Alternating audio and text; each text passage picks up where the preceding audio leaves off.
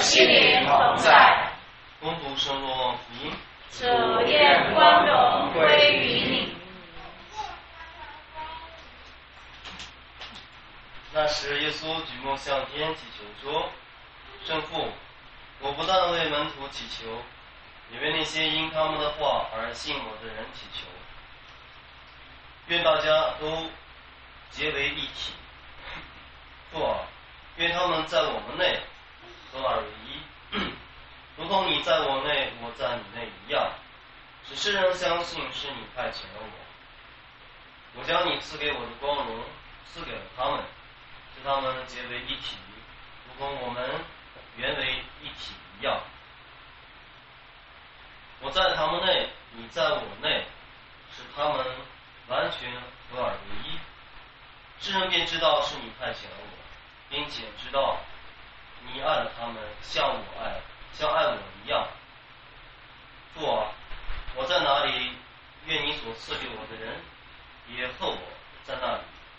使他们想见你所赐给我的光荣，因为你在创世之前就爱了我。公义的父啊，世人没有认识你，我却认识了你。这些人也知道是你派遣了我。我已经将你的名宣示给他们了，我还要宣誓，使你对我的爱存在他们内，我也在他们内。以上是基督的福音。基督，我们赞美你。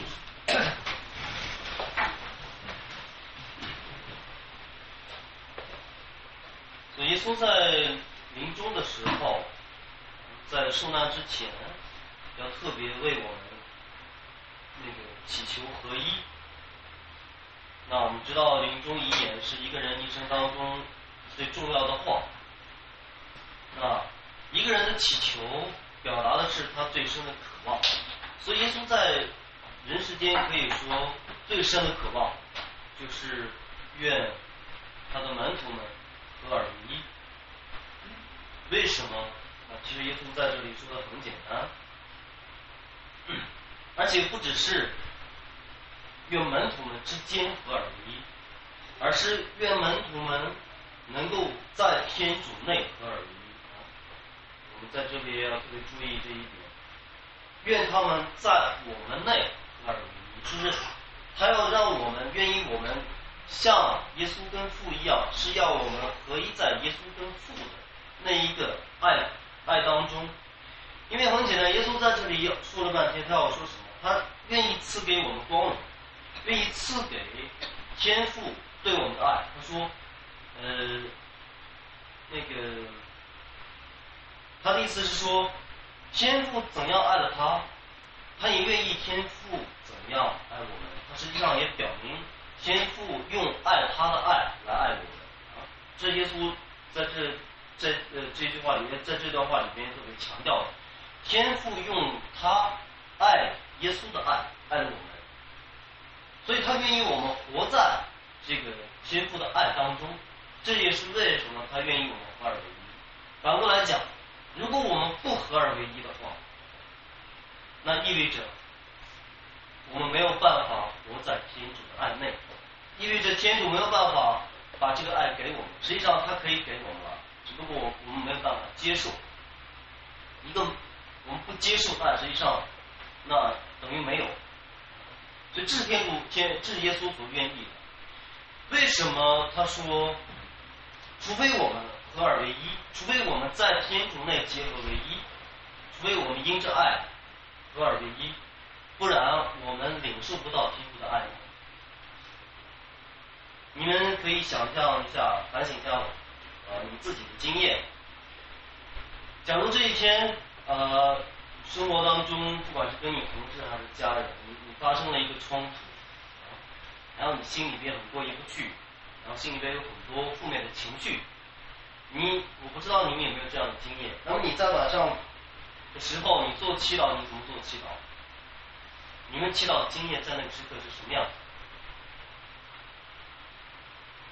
有有过这样的经验吗？或者或者是干脆不祈祷？是不是？有两种情况。我我经常问，这就这个同样的问题，跟其他的教友啊，大部分的人干脆不祈祷。然后另外一部分人可能会祈祷，但是呢，好像不太容易啊，除非有一小部分的人，他们祈祷是求一个悔改的心。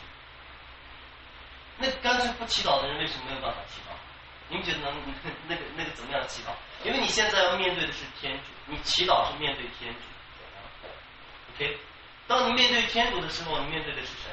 面对本身就是爱的人，面对本身是慈悲跟宽恕的人。面对一个正义者，面对一位可能马上会把你自己的这个呃负面的情绪，把你的不好一下子比照出来的人，所以你你根本没有办法面对他，所以你根本没有办法去祈祷。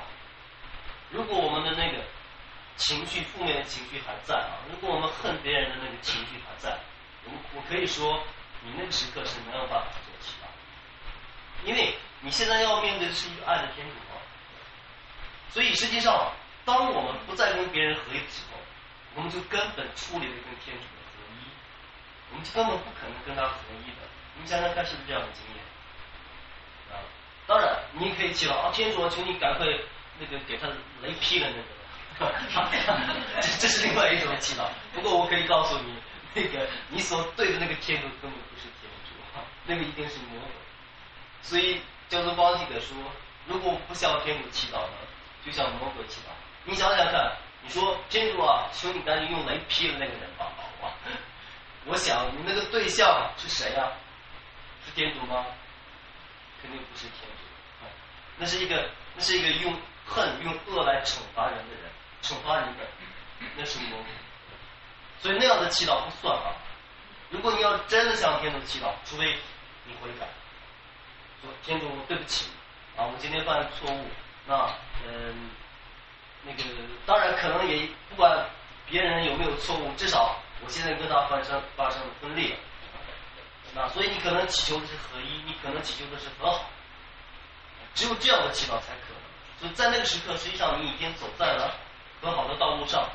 当你开始这样做这样的正面的祈祷的时候，你已经开始走在和好的道路上，已经开始跟人合一，所以你才能够跟天主合一。我们真的没有办法。当我们跟别人分裂的时候，我告诉你们，我们真的没有办法继续跟天主合一。也许我们还继续来教堂，不过实际上我们的心没有办法跟他合一。所以，当我们不跟天主合一的时候呢，我们就没有爱了，我们就没有办法接受天主的爱了。这是耶稣所要告诉我们的。所以，耶稣要告诉我们，基督徒的爱有有很特别的地方，就是说，你看。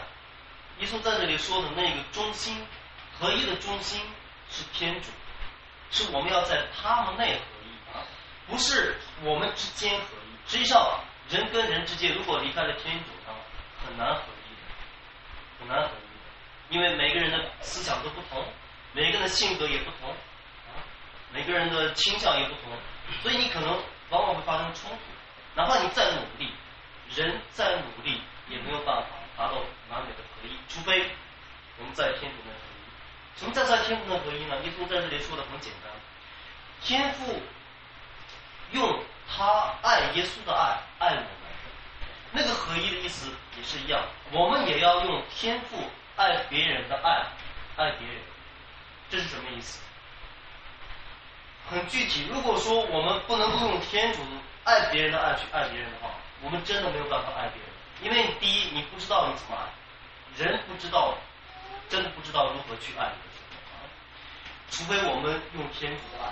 你想想看，如果今天这个人还，我们还举那个例子，得罪了你，好，然后你祈祷了半天，你可能发现说，耶稣让我爱仇人，爱仇人，然后我狠狠的要爱仇人，这就是爱不起来啊。我一看见他，我一想起他，我心里面就很愤怒，我就没有办法，是不是？你看见那个很不顺眼的人，你怎么也看他顺眼不起来。为什么？因为那个是从人的角度去看，我们的眼光有限制。